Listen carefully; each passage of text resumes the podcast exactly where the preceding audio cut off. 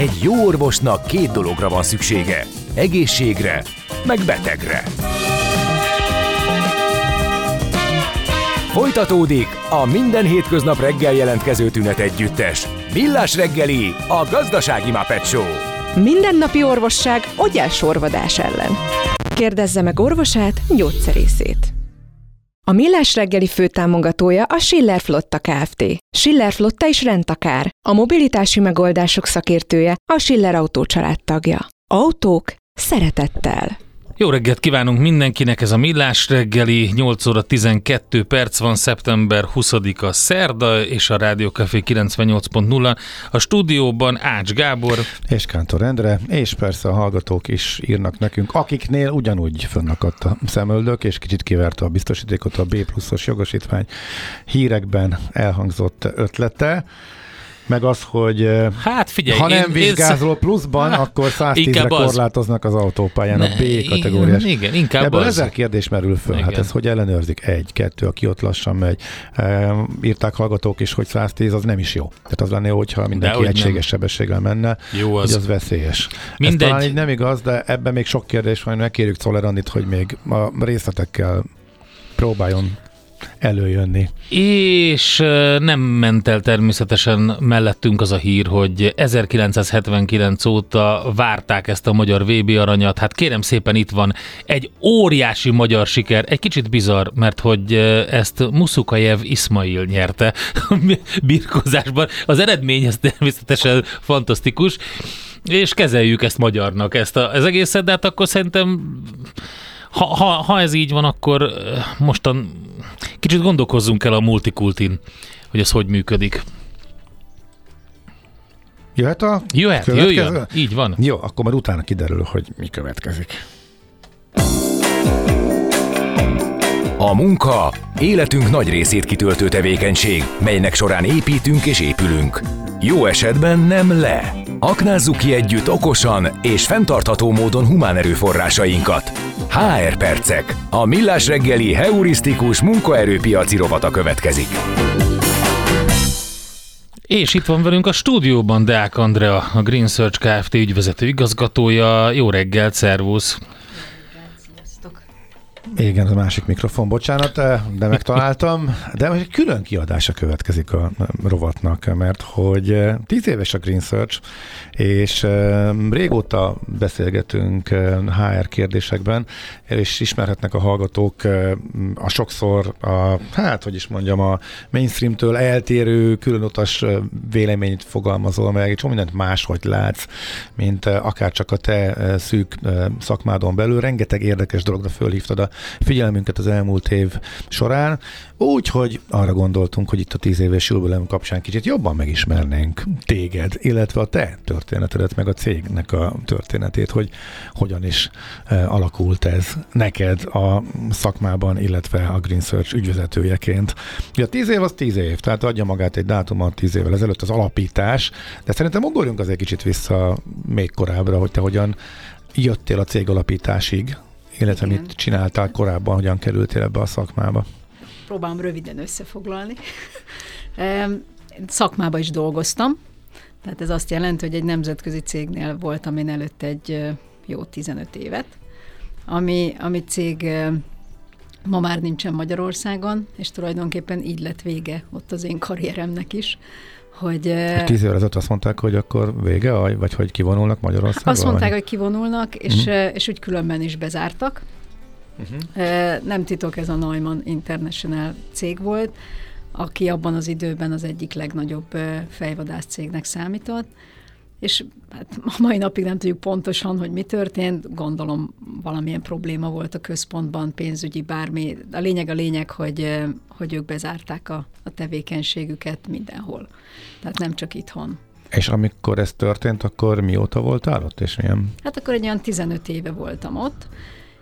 Akkor már én vezettem a, a céget ott is, de igazából nagyon sokan föltették a kérdést, hogy akkor miért nem mentem el esetleg egy konkurenciához. Volt hisz... még jó pár hasonló cég, igen. Igen, tehát ezért. De valahogy nem tudom, nekem ilyen Neumann szívem volt. Szerintem, aki, és ez nem csak rám igaz, aki valahol dolgozik és szereti, és abba hisz, akkor utána azért azt nagyon-nagyon nehéz azt mondani, hogy egy másik cég, és akkor most nem mondok neveket, hogy kik ők, akik különben nagyon jó cég, de hogy én nem, nem éreztem úgy, hogy oda így át tudok ülni, és át tudok sétálni. Miért vagy másképpen csinálnak? Igen, el, igen pedig... miért nem? Valami nem stimmelt? Nem tudom, nem, nem stimmelt valahogy, nem tudom. Ez nehéz azért, ugye a, a, a másik cég az valahol mindig is egy versenytárs volt. Uh-huh.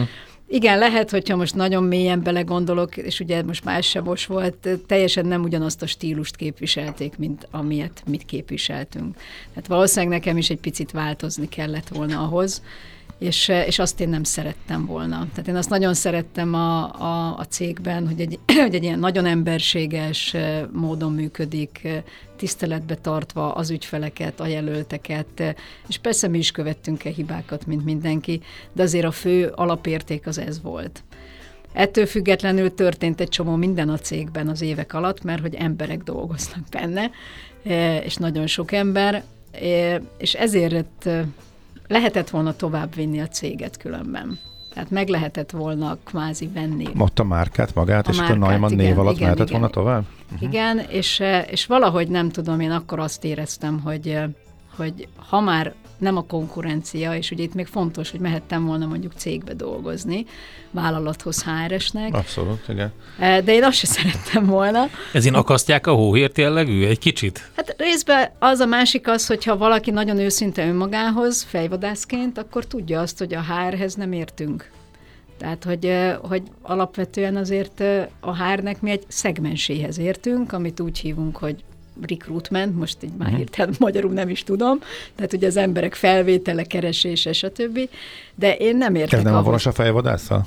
Az, azon belül is egy külön kategória? Csak hát nem, azt mondom, hogy ez az. Ez De az, hát jó. ugye a HR az, az borzasztó sok uh-huh, minden okay. más is. A szervezetfejlesztés, a tréningek, a teljesítményértékelés nagyon-nagyon sok mindenből áll. Bo- csak azért, bocsánat, csak elakadok ezen, hogy azt, azt gondoltam, hogy a fejvadász is még a recruitmenten belül is egy szűkebb kategória, hogy a felsővezetőkre lő, és nem pedig egy tágabb mindenkire vonatkozó, de akkor ja, ez nem, ez, ez igaz, jó, tehát jó, igen, tehát ebbe igazad van, bár ma már mindenki, egyre sokszor beszélgettünk itt az adások uh-huh. során, hogy ma már mindenki fejvadásznak hívja magát, de alapvetően a, a hagyományos értelemben a fejvadász az igen az, aki középvezetőket, specialistákat, illetve felsővezetőket keres, tehát igen, tehát ebbe igazad van.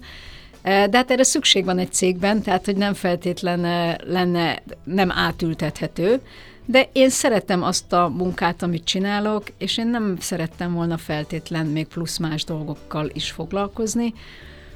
Ráadásul sokkal kötöttebbnek érzem, hogy egy, egy tanácsadó cégben sok iparágban dolgozol, sokféle emberrel dolgozol, sokféle típusú vezetővel találkozol. Most a típus alatt nem az embertípust értem, hanem egyik nap az ügyfél a logisztikai vezető, a másik nap a szélszigazgató, a harmadik nap az ügyvezető. Ezek mind teljesen különböző területek, borzasztó sokat lehet tanulni.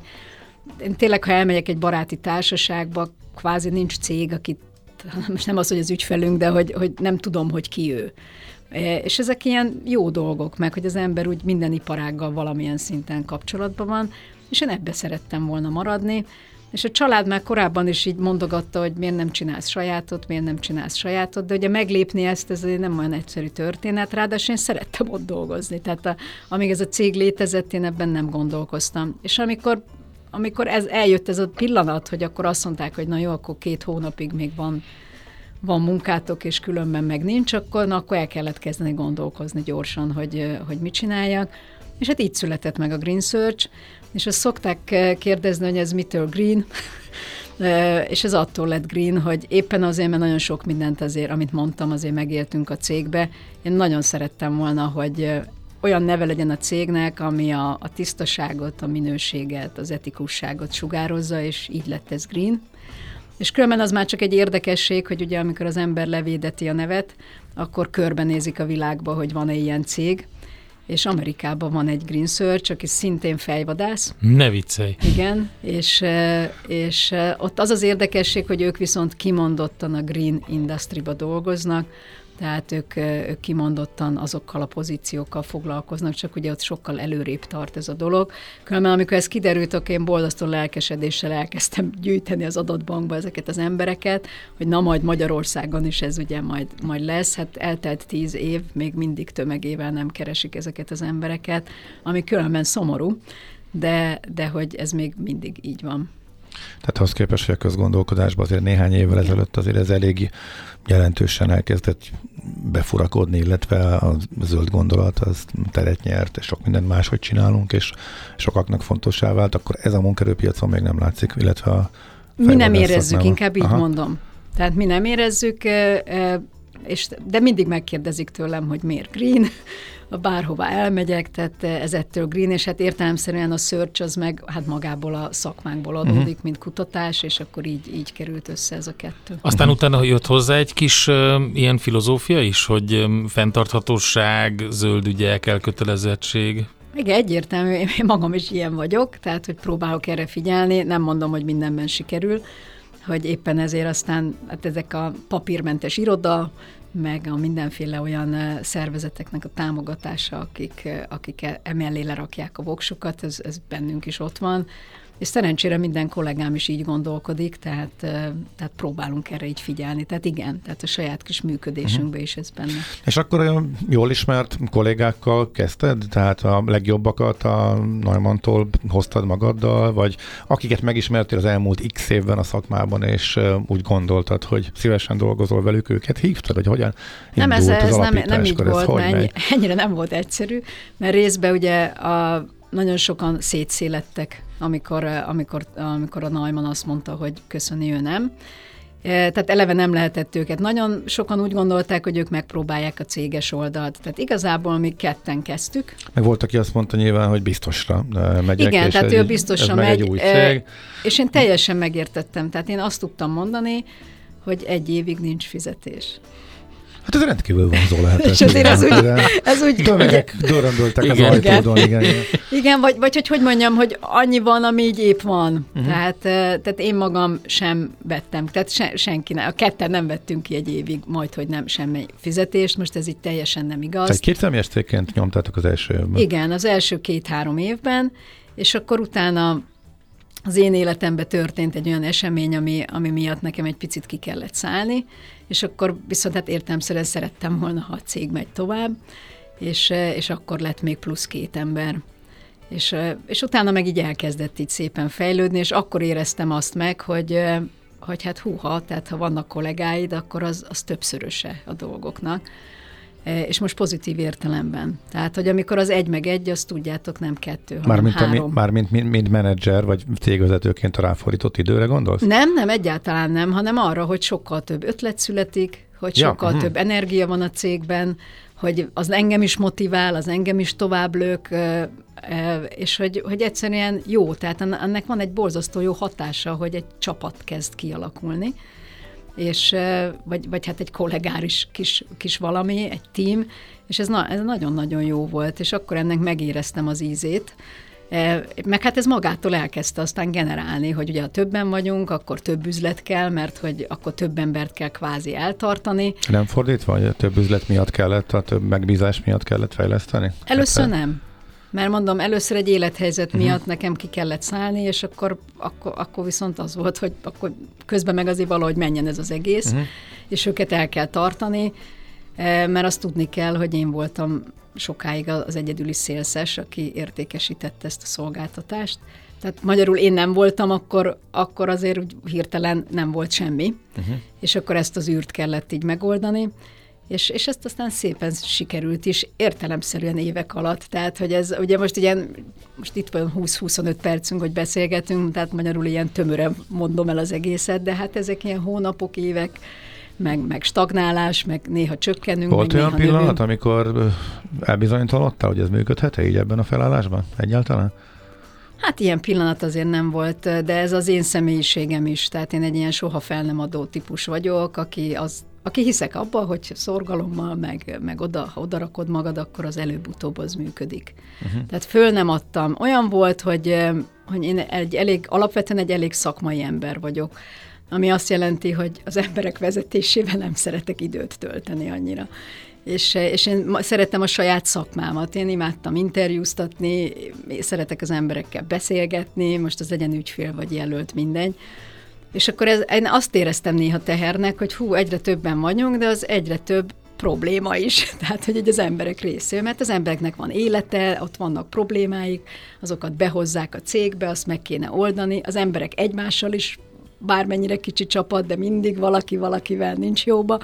Tehát, hogy, hogy vagy kis feszültségek, féltékenységek, hát ismeritek ezeket, cégekben mm. ezek élő dolgok, és, és ez volt inkább az, hogy, hogy merjek-e tovább lépni, akarom-e még, hogy még három embernek a nyűgét magamra venni, vagy még ennyinek, vagy még annyinak, de aztán végül is ez így adta magát, mert egy idő után viszont valóban azért kellett bővíteni, mert annyira sok megbízásunk lett hogy, hogy már nem, nem, nem tudtuk ezt lefedni. És ami meg most újdonság, hogy... És bocsánat, ezt a menedzsment részt, amivel nem annyira szeretsz foglalkozni, ezt mikor adtad ki a kezedből, vagy hogy ezt... Ezt nem adtam ki végül. Ezt nem adod ki, csinálom, de hogy nem annyira kedvelem, de azért megtartom, vagy azért ez egy dilemma? Hogy nem, ez egy fejlődési út volt számomra, uh-huh. és amikor azt mondtam, hogy ilyen, tehát azért olyan nincsen, hogy nekem van egy cégem, és én közlöm, hogy nem akarok embereket vezetni. És akkor ez a saját kis fejlődésem volt, hogy azt mondtam, hogy na igen, akkor most igenis szánunk időt, igenis beszélgetünk az emberekkel, és egy idő után ez annyira sok pozitívumot is hozott az én számomra is, hogy rájöttem, hogy azért ez nem is olyan rossz dolog. Tehát, hogy azért jó emberekkel foglalkozni, nem csak ha jelölt vagy ügyfél, hanem akkor is, ha az egy kollega, és, és hogy, hogy, hogy az, azáltal, hogy én neki tudok segíteni valamiben, és az most lehet akár egy privát dolog is, amihez hozzám fordult, az, az aztán olyan dolgokat mozgat meg ellentétes oldalon, és ami meg nekem fog borzasztó sok energiát adni hogy végül is én ebbe beleálltam, inkább így mondom, és, és ma már szerintem élvezem. Uh-huh. Tehát, vagy nem szerintem élvezem. Tehát. Mi, mivel vagytok mások, mivel különböztetitek meg magatokat? Tehát eh, mi az, amire azt mondjátok, hogy igenis velünk érdemes eh, dolgozni, illetve ez eh, szerepet játszott az ügyfélszerzésben? Hát egyértelműen szerepet játszik, de a legjobb mindig ugye a referenciák, tehát én azt szoktam mondani, amikor elmegyek valahova, mindig megkérdezik, hogy és önök, kedves Andrea, miben mások, és mindig azt szoktam mondani, hogy én bármit mondhatok, most ezt vagy elhiszi nekem, vagy nem hiszi Vagy van nekem. egy jó lózunk, ugye, ami, hát, így, ami hát sokat gondolkodtatok, most... és akkor ezt így ki lehet mondani, hogy mi abban vagyunk, mások hogy? Igen, mert én el tudom mondani, hogy igen, mert mi minőségbe dolgozunk, igen, mert mi őszintén nyíltan kommunikálunk. De most különben Nyilván őszintén ezt mondja, mindenki ezt mondja, igen, tehát hogy, hogy most akkor most ezt elhisszük, vagy nem, és akkor én azt szoktam felajánlani, hogy van nekünk X ügyfelünk, aki megengedte azt, hogy megadjuk az ő elérhetőségét, föl lehet őket hívni, és meg lehet őket kérdezni, hogy miért szeretnek velünk dolgozni. És azt is meg lehet kérdezni, hogy, hogy ak- akár mi az, amikor nem ajánlanak minket. Mert, mert hát, hogy mi se vagyunk tökéletesek, és mi se csinálunk mindent mindig százszázalékosan jól, és akkor ő el fogja mondani. És, és szerintem ez úgy működik, és aki már velünk dolgozik, eh, az, eh, az meg szokott maradni. Tehát nálunk az ügyfelek nagy része az, az tíz éves, vagy minimum öt éven túli, és akkor ehhez csapódnak újabb és újabb ügyfelek. És hát, mi is vesztettünk volt, el ügyfelet. Hát ez tehát. volt idő ezt fölépíteni. Na ez idő. A, ugye a semmiből. Ugye áthozni nem lehetett, tehát igazából um, ez egy nagy ügyfelek, tanulság volt számomra. Korábbi ügyfelek nem jöttek ugye a Neumann időszakból például az elején, az nehéz volt? Ez egy óriási tanulság volt számomra, és, és akkor megint tudom üzenni a hallgatóknak is, aki valami hasonló szakmát csinál. Ugye nagyon sokan, amikor vezetők valahol, akár valamilyen olyan iparágban, ahol ők egy tanácsadói szerepet mm. látnak el, de nem muszáj tanácsadónak, lehet, hogy ügyvezető vagy bármi más, és akkor azt gondolják, biztos találkoztatok ti is ilyennel, hogy eljönnek a multiból, és majd ő csinál Nekem egy tanácsadó az, céget. Néha és egy akkor... személyes céget, és az én nevem akkor a szakmában, igen, hogy követnek. Igen, igen, igen, de az nem így működik. Ha nem. E, és megmondom, miért nem így működik, tehát rá kellett jönni, és ez nem baj, csak nekem is ezt meg kellett tanulni, hogy ezek így összefornak. Tehát a cég összefor a neveddel, és te összeforsz a nevével, de semmelyik nincs százszázalékosan. Ahhoz, hogy Igen. Uh-huh. Tehát volt olyan cég, ugye a Neumann az egy nemzetközi fejvadász cég volt, akinek kellett a nemzetköziesség, akinek kellett az, hogy ő elmondhatja, hogy egy olyan céggel dolgozik, aki 82 országban ott van. A másiknak az kellett, hogy Deák Andrával dolgozzon, akkor ő maradt. A harmadiknek nem tetszett ez az egész, hogy mi az, hogy a Neumann megszűnt meg, mi az, hogy szétszélettek az emberek, és elment egy harmadikhoz. Nem hozzám, nem a nem tudom, hanem elment. És akkor a végén maradt egy pici, amiből nem éltél meg. Uh-huh. Amivel úgy viszont oké, okay, el lehetett indulni, de az, mondom, az azt fedezte, hogy ugye egy évig nem haltunk éhen. De azért abból nagy dolgokat nem lehetett csinálni. És és hát ez, ez, ez ilyen, ez egy ilyen szép építkezés, és azért is szoktam azt mondani különben, ugye a műsorotokban is sokszor beszélgettünk erről, hogyha valaki el akar indítani egy új vállalkozást, ha csak nem kitalál valami olyan dolgot, ami még senki és, és, és berobban a piacra, akkor, akkor ez évek. Tehát, hogy itt, itt nem arról van szó, hogy majd, és, az, és azon szokott... Hát igen, csak ezt finanszírozni kell, és itt Magyarországon hát ezzel szokott bukni a sztori, ugye öt éven túl a vállalkozásoknak a, egy jelentős része elhasal, az öt évet sem éri el. Hát igen, mert úgy kéne vállalkozni kezdeni, hogy van egy tőkénk. És tudjuk azt, hogy ez, ez egyik, hogy van egy tőkénk, és ha elkezd jól menni, akkor meg nem kezdjük el kilapátolni a pénzt, mert ez szokott sokszor a probléma lenni, hogy meglódul a cég, mert először befektetünk, majd utána is, ti is találkoztatok, hallgatók is ezer ilyennel, amikor és akkor megveszük a legjobb kocsikat, meg a legjobb nyaralót, és elúszik a pénz pillanatok alatt, és ennyire a cég meg még nem ment jól vagy jön egy válság, vagy jön egy Covid, uh-huh. vagy jön egy ukrán háború, és, és akkor ezek így beköszönnek így az uh-huh. üzletbe, amire így előre egyáltalán nem számítottál. Uh-huh. Na ez pont ezek után vagyunk, és hogy látod a jövőt? Most igen, tovább igen. fejlesztenél? Mekkorák, Tehát... mekkorák vagytok most, meddig sikerült, és mit látsz? Nyolcan vagyunk, Aha. és én Hát egyébként ez egy ilyen nagyon érdekesség, mert amikor hárman voltunk, akkor is azt mondtam, hogy ez tök jó, amikor öten akkor is, és most is ezt mondom, hogy ez tök jó, és hogy én szeretem azt, hogy mi egy ilyen pici ékszercég vagyunk, én ezt így szoktam hívni így magunk között. Kicsik vagyunk, eh, nem kell mindenkinek dolgozni, mi, mi lehet, hogy X cégnek dolgozunk, és Y-nak meg nem, és hogy ez tök jó, de be kell látnom azt, hogyha fejlődni akar a cég, és a fejlődés alatt nem csak azt értem, hogy több bevétel, hanem meg akarsz maradni. Tehát egy, egy ugyanolyan színvonalon meg akarsz maradni, ahhoz muszáj vagy fejlődni. Tehát a kettő nem tudja kizárni egymást. Tehát mindenképpen kell a magyar piacon is fejlődni, tehát kellenek kollégák, és most két kollégám nagyon lelkesen jelentkezett, hogy, hogy ők nagyon szívesen beszállnának ők is abban, hogy egy picit szélszeznek, ügyfelekhez mennek, stb. És elindultunk a nemzetközi piacon egy másfél éve. Nyolc fős cég megy rögtön ki a nemzetközi piacra, ezt a érdekes hangzik. Igen, mert a mi, mi iparágunk az egy picit egyszerűbb, mint amikor egy szó szerint terméket adsz uh-huh. el. Ugye nem kell leszállítanunk, most mi hangzik, hogy az embert szállítjuk le, Aha. de nem kell hozzá logisztika, meg nem tudom én, raktár és egyebek. Tehát ez azt jelenti, a hogy tulajdonképpen... ugyanúgy a nulláról kell kezdeni, mint itthon, és vérveríték a első ügyfelekért vagy pedig itt már az itteni kapcsolatok, azok referenciák egy terjeszkedéshez. Hát részben ugye mi nemzetközi cégeknek dolgozunk. Uh-huh. Ezeknek a nemzetközi cégeknek mindenhol vannak központjai, kollégái, nagyon sokszor a nemzetközi központa megbízunk itthon is. Tehát ezek, most az első vonal az mindenképpen az, hogy ezeken a kapcsolatokon át elindulva, ahol már ugye ők ismernek minket, tudják, hogy hogy dolgozunk, a más országoknak a kereséseit is bevállaljuk. És majd az lehet, hogy egy következő lépés, hogy adott esetben azokba az országokba fölvenni még embereket. Ez lesz majd hosszú uh-huh. távon szerintem a de meglátjuk. Amit nagyon, nem az, hogy nehéz, hanem amit látok, hogy, hogy biztosan azzal nagyon nagy fejlődési lehetőség, de nehézség is. Minden ország más kultúra, máshogy beszélnek a jelöltek, mást várnak el egy picit az ügyfelek, holott ugyanúgy ugyanazt mondják, de mégis abban az országban, abban a kultúrában ugyanaz a szó mást jelent.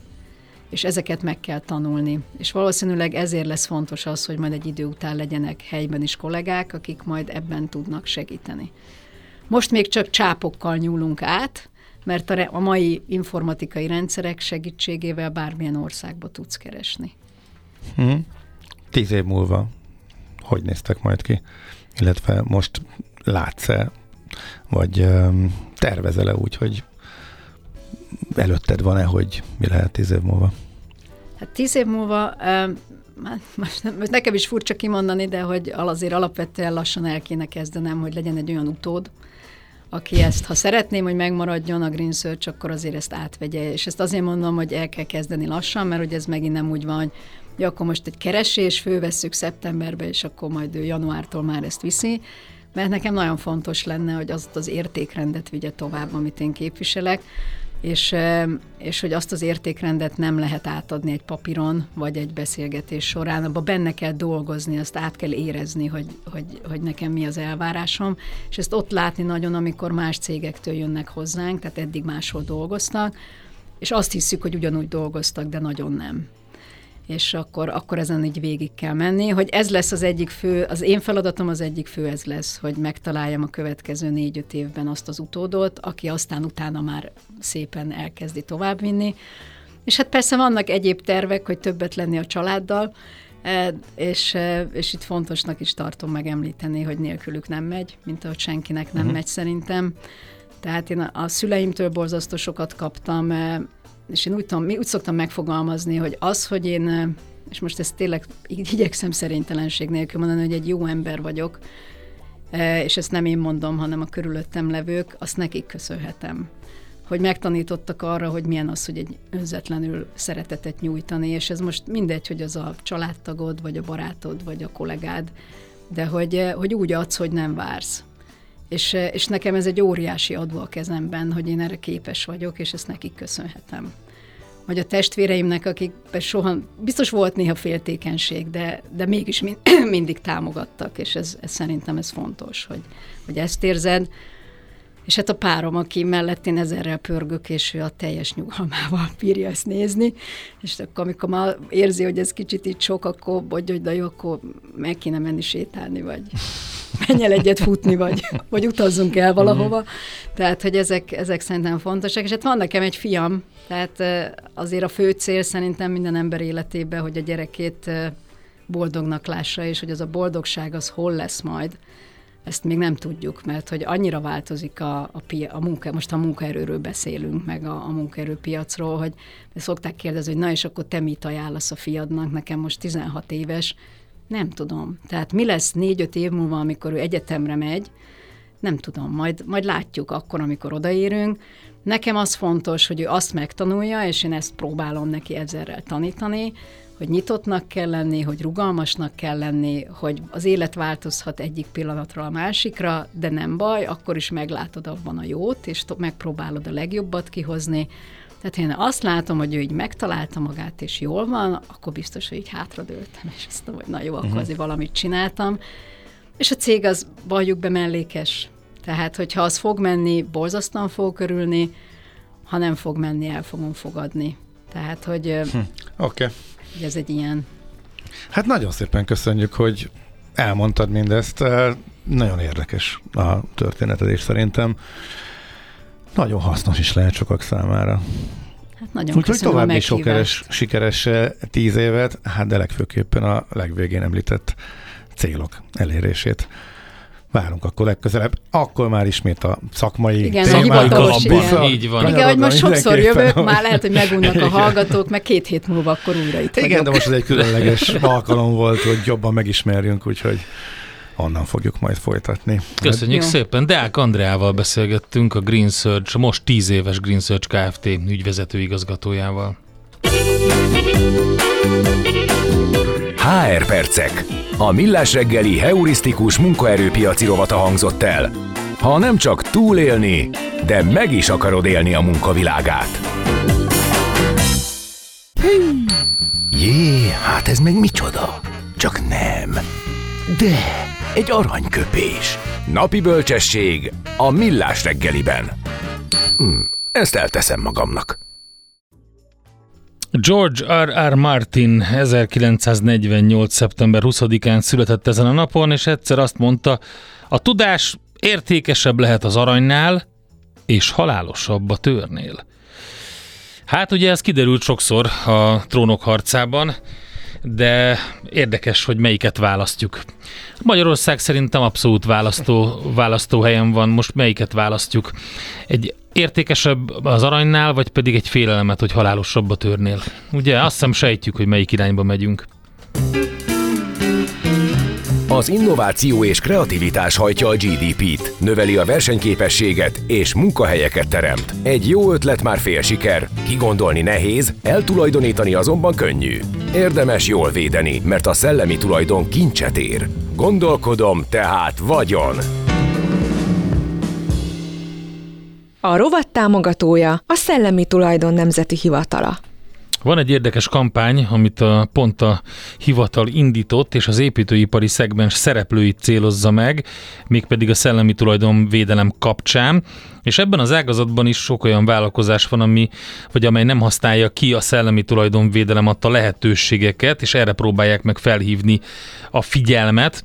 Erről a kampányról majd azért beszélünk egy picit, de most itt van egy pozitív példa, a Barabás Téglakő Kft., akik nyilatkoznak a arról, hogy mi a, arról, hogy miért fontos nekik a szellemi vagyonuk védelme. Itt van Barabás Árpád, az alapító tulajdonos a vonalban. Jó reggelt!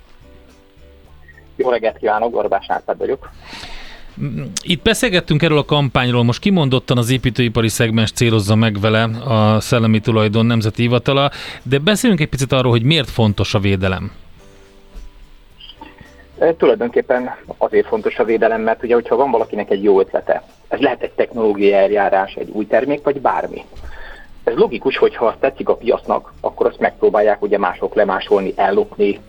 Na most, hogyha ez le van védve, akár szabadalmaztat, vagy bármilyen más ö, védelem alatt áll, akkor ugye egy jogi védelmet kap, tehát az azt jelenti, hogy nem másolható, mások csak engedéllyel, a tulajdonos engedélyével használhatják. Tehát tulajdonképpen ez egy gazdasági előnyt jelent egy bizonyos ponton.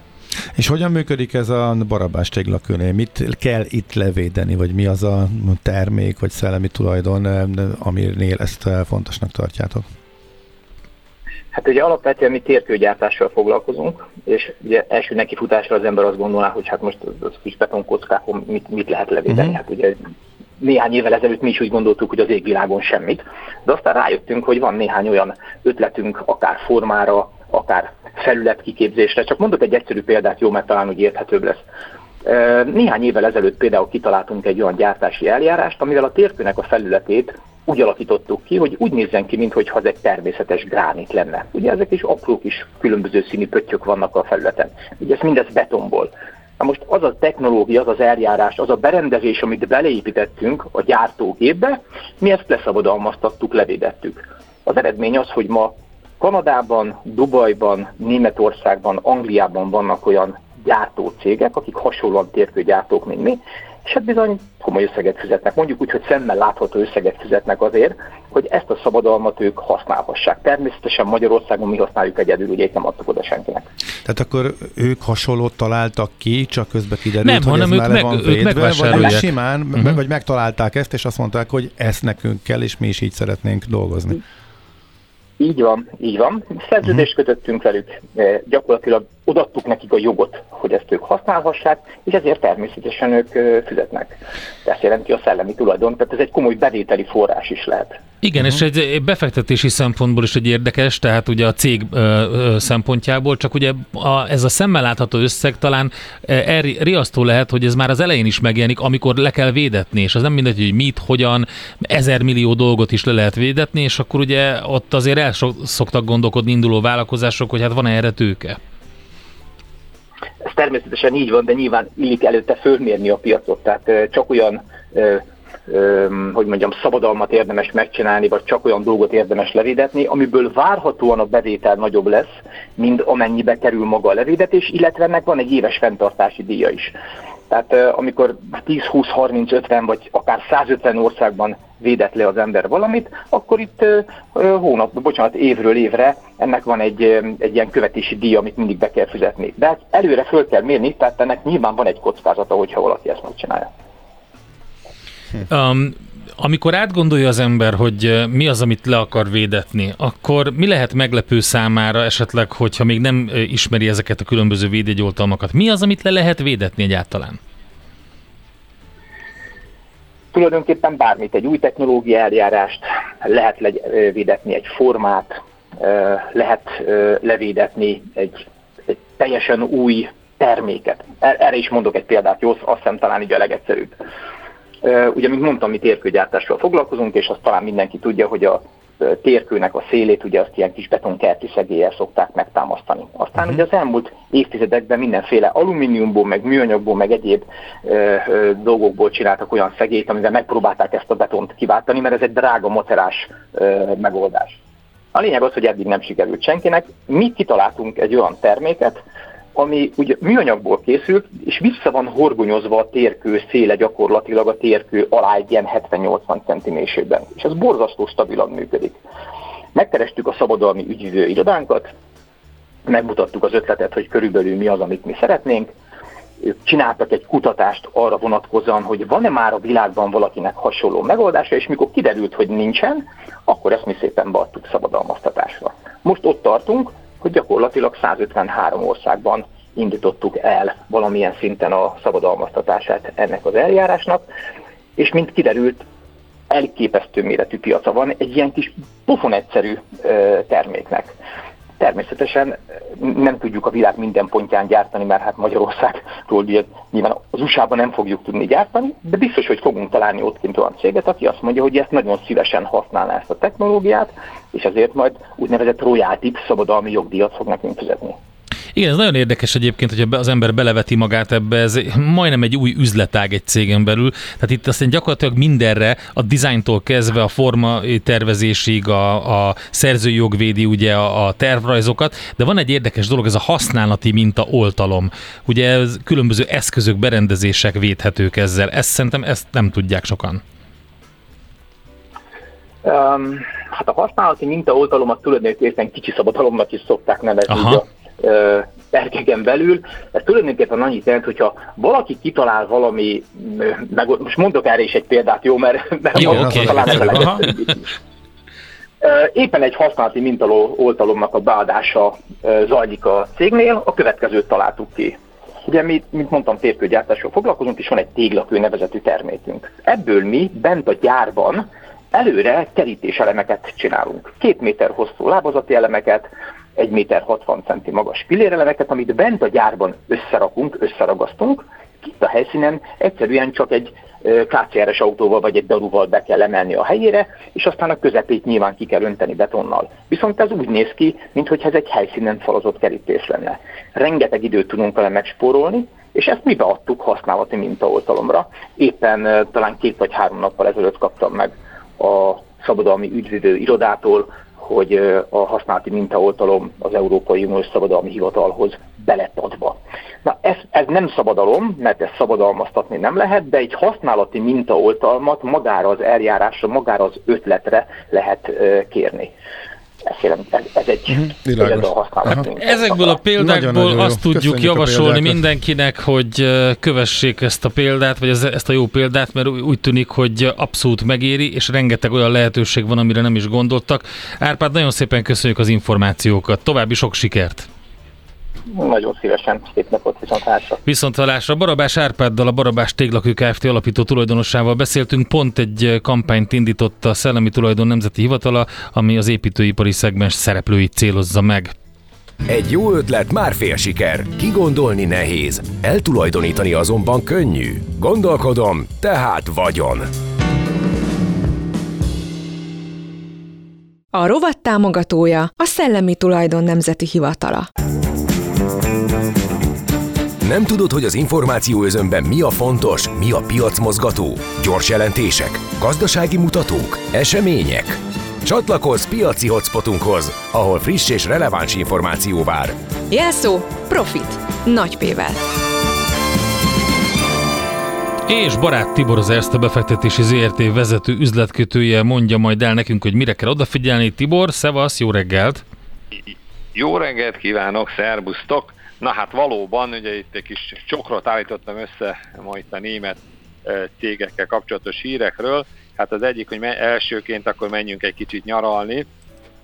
Ugye a világ legnagyobb utazási irodája a TUI, aki igen jelentős áresésen volt egyébként, ment keresztül az elmúlt másfél hónapban, tehát július végén még 7,2 euró volt a részvénynek az árfolyam, aztán az egészen 5,2-ig leesett, és hát az elmúlt napokban is ilyen 5,4-5,5 között mozgott csak.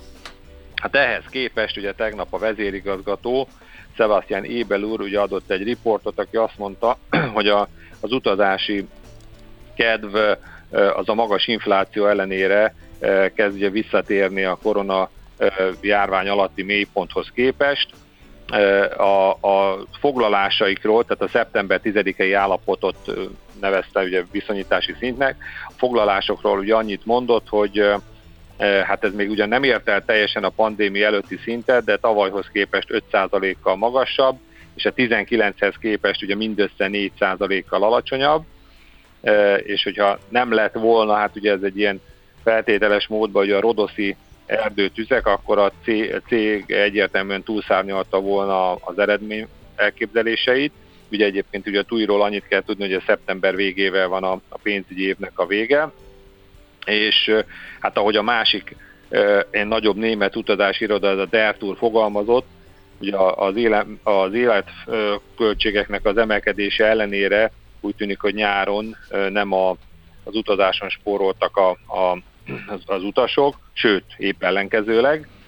És akkor visszatérve ugye a túira, ugye ő azt mondta, hogy megerősítette az, az, az éves eredményvárakozást, ugye ami nem más, mint hogy a kamatok, adók és egyszeri tételek nélkül a tavalyi 490, 409 milliós eredményt jelentősen túlszárnyalják, és hát ugye ez két dolognak volt köszönhető, ugye nem csak az, hogy nőttek a foglalások számai, hanem, hanem a magasabb áraknak is. Hát például ugye a TUI tavalyhoz képest 8%-kal magasabb átlagáron értékesített, mint egy évvel ezelőtt, és hát 2019-hez képest ez a szám már 27 százalék, tehát ennyivel drágábbak az utazások. Ebből mondjuk nem derült ki, hogy mennyi az a mix egyébként, tehát hogy ugye mennyivel upgrade-elték feljebb az utasok a saját várakozásaikat, ezt máshol olvastam valahol, hogy egyre többen választanak ötcsillagos szállodát, egyre többen választanak all inclusive tehát ugye nyilván azért az áremelkedés... Próbálják bepótolni. Igen, még az Ács Gábor is csinált ilyet, képzeld el, aki gyakorlatilag uh, Fillér néven uh, ismert uh, baráti körben. jó, de, de akkor ez jó lesz a tújnak? Tibor, történt. jó lesz ez a tújnak? Mert ez akkor egy ilyen, egy ilyen, hogy is mondjam, enyhe pozitív prognózis? Hát én azt gondolom, hogy meg, tehát mindenképp, tehát ez a pessimista piaci vélekedés, ami eddig volt, ugye a túl árfolyamára, ezt semmiképp nem, tehát semmiképp nem indokolja a mostani uh-huh. előrejelzés, sőt, ugye a másik irányba. Tehát én azt gondolom, hogy a túlnál két dolog. Nyáron azért ez a Rodoszi történet, ez 25 millió Igen. eurójába került. Egy.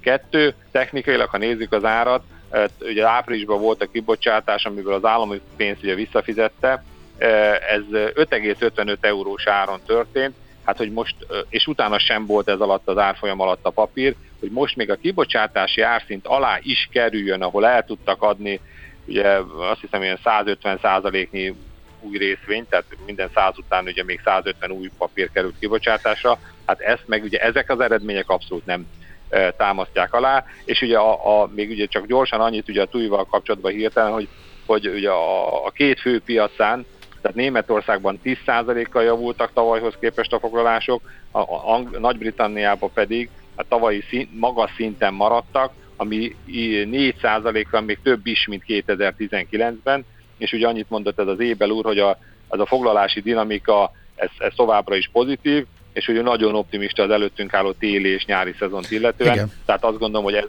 tehát ebbe van potenciál ebbe az árfolyamban, amit most látunk a. Igen, igen, ez tök, igen, tök érdekes, több más utazós részvényt is nagyon csúnyán ütöttek az elmúlt időszakban a légitársaságokat is egyébként, olyanokat is, amelyeknek az eredménye kiválóan alakult, illetve a kilátásaik is jók, ez egy érdekes helyzet. Tibor, akkor csak dióhéjban akkor a tök légy szíves, hogy mikre hívnád még fel a figyelmet gyorsan. Jó, igen, tehát egyszer ugye a Commerzbanknál volt szintén, illetve ott a pénzügyi vezérigazgató ö, ö, nyilatkozott Bettina Orlop, aki úgy megemelte a, a kamat marzs várakozását, tehát az eddigi 7,8-ról most 8 milliárdra, ugye az emelkedő kamatok miatt, tehát ez ugye a, egy enyhe uh-huh. plusz ugye a Commerzbank számára, és akkor a Vonóvia mondott még egy érdekeset magára, ugye a Németország legnagyobb ingatlan koncernje, aki azt mondja, hogy 60 ezer lakásnak a, a tervei vannak a fiókban, de hát jelenleg ezeket nem kezdik el, mert magasak a kamatok, ugye a finanszírozási költségek és magasak az építőanyag, építési költségek, de hogy ahogy ezek hát rentábilissá válnak ugye az építető számára, akkor ezeket bármikor hajlandóak elővenni. Ami érdekes, hogy egyébként azt mondja, hogy jelenleg egy millió lakás hiányzik szerintem Németországból, van, ugye ezt a Rolf Buch mondta szintén ugye a Vonóvia vezérigazgató, és hogy szerintük évente 700 ezer lakást kéne átadni Németországban azért, mert részben ugye a folyamatos növekvő bevándorlás miatt,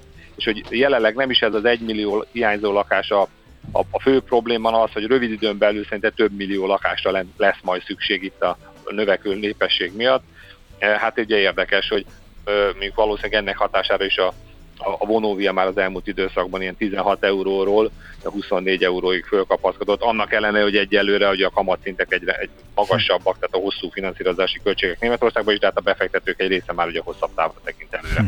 Hú, érdekes, érdekes, érdekes volt, te, köszi szépen. Ennyire jó kerülőek, és ennyire megerőlegezik a jó híreket, a másik szektorban pedig a jó hírekre is eladás van, szóval én abszolút, abszurdnak tűnik, tök érdekes. Na, Tibor, nagyon szépen köszönjük az információkat, izgalmas volt mindig. Jó kereskedés nektek, szervusz!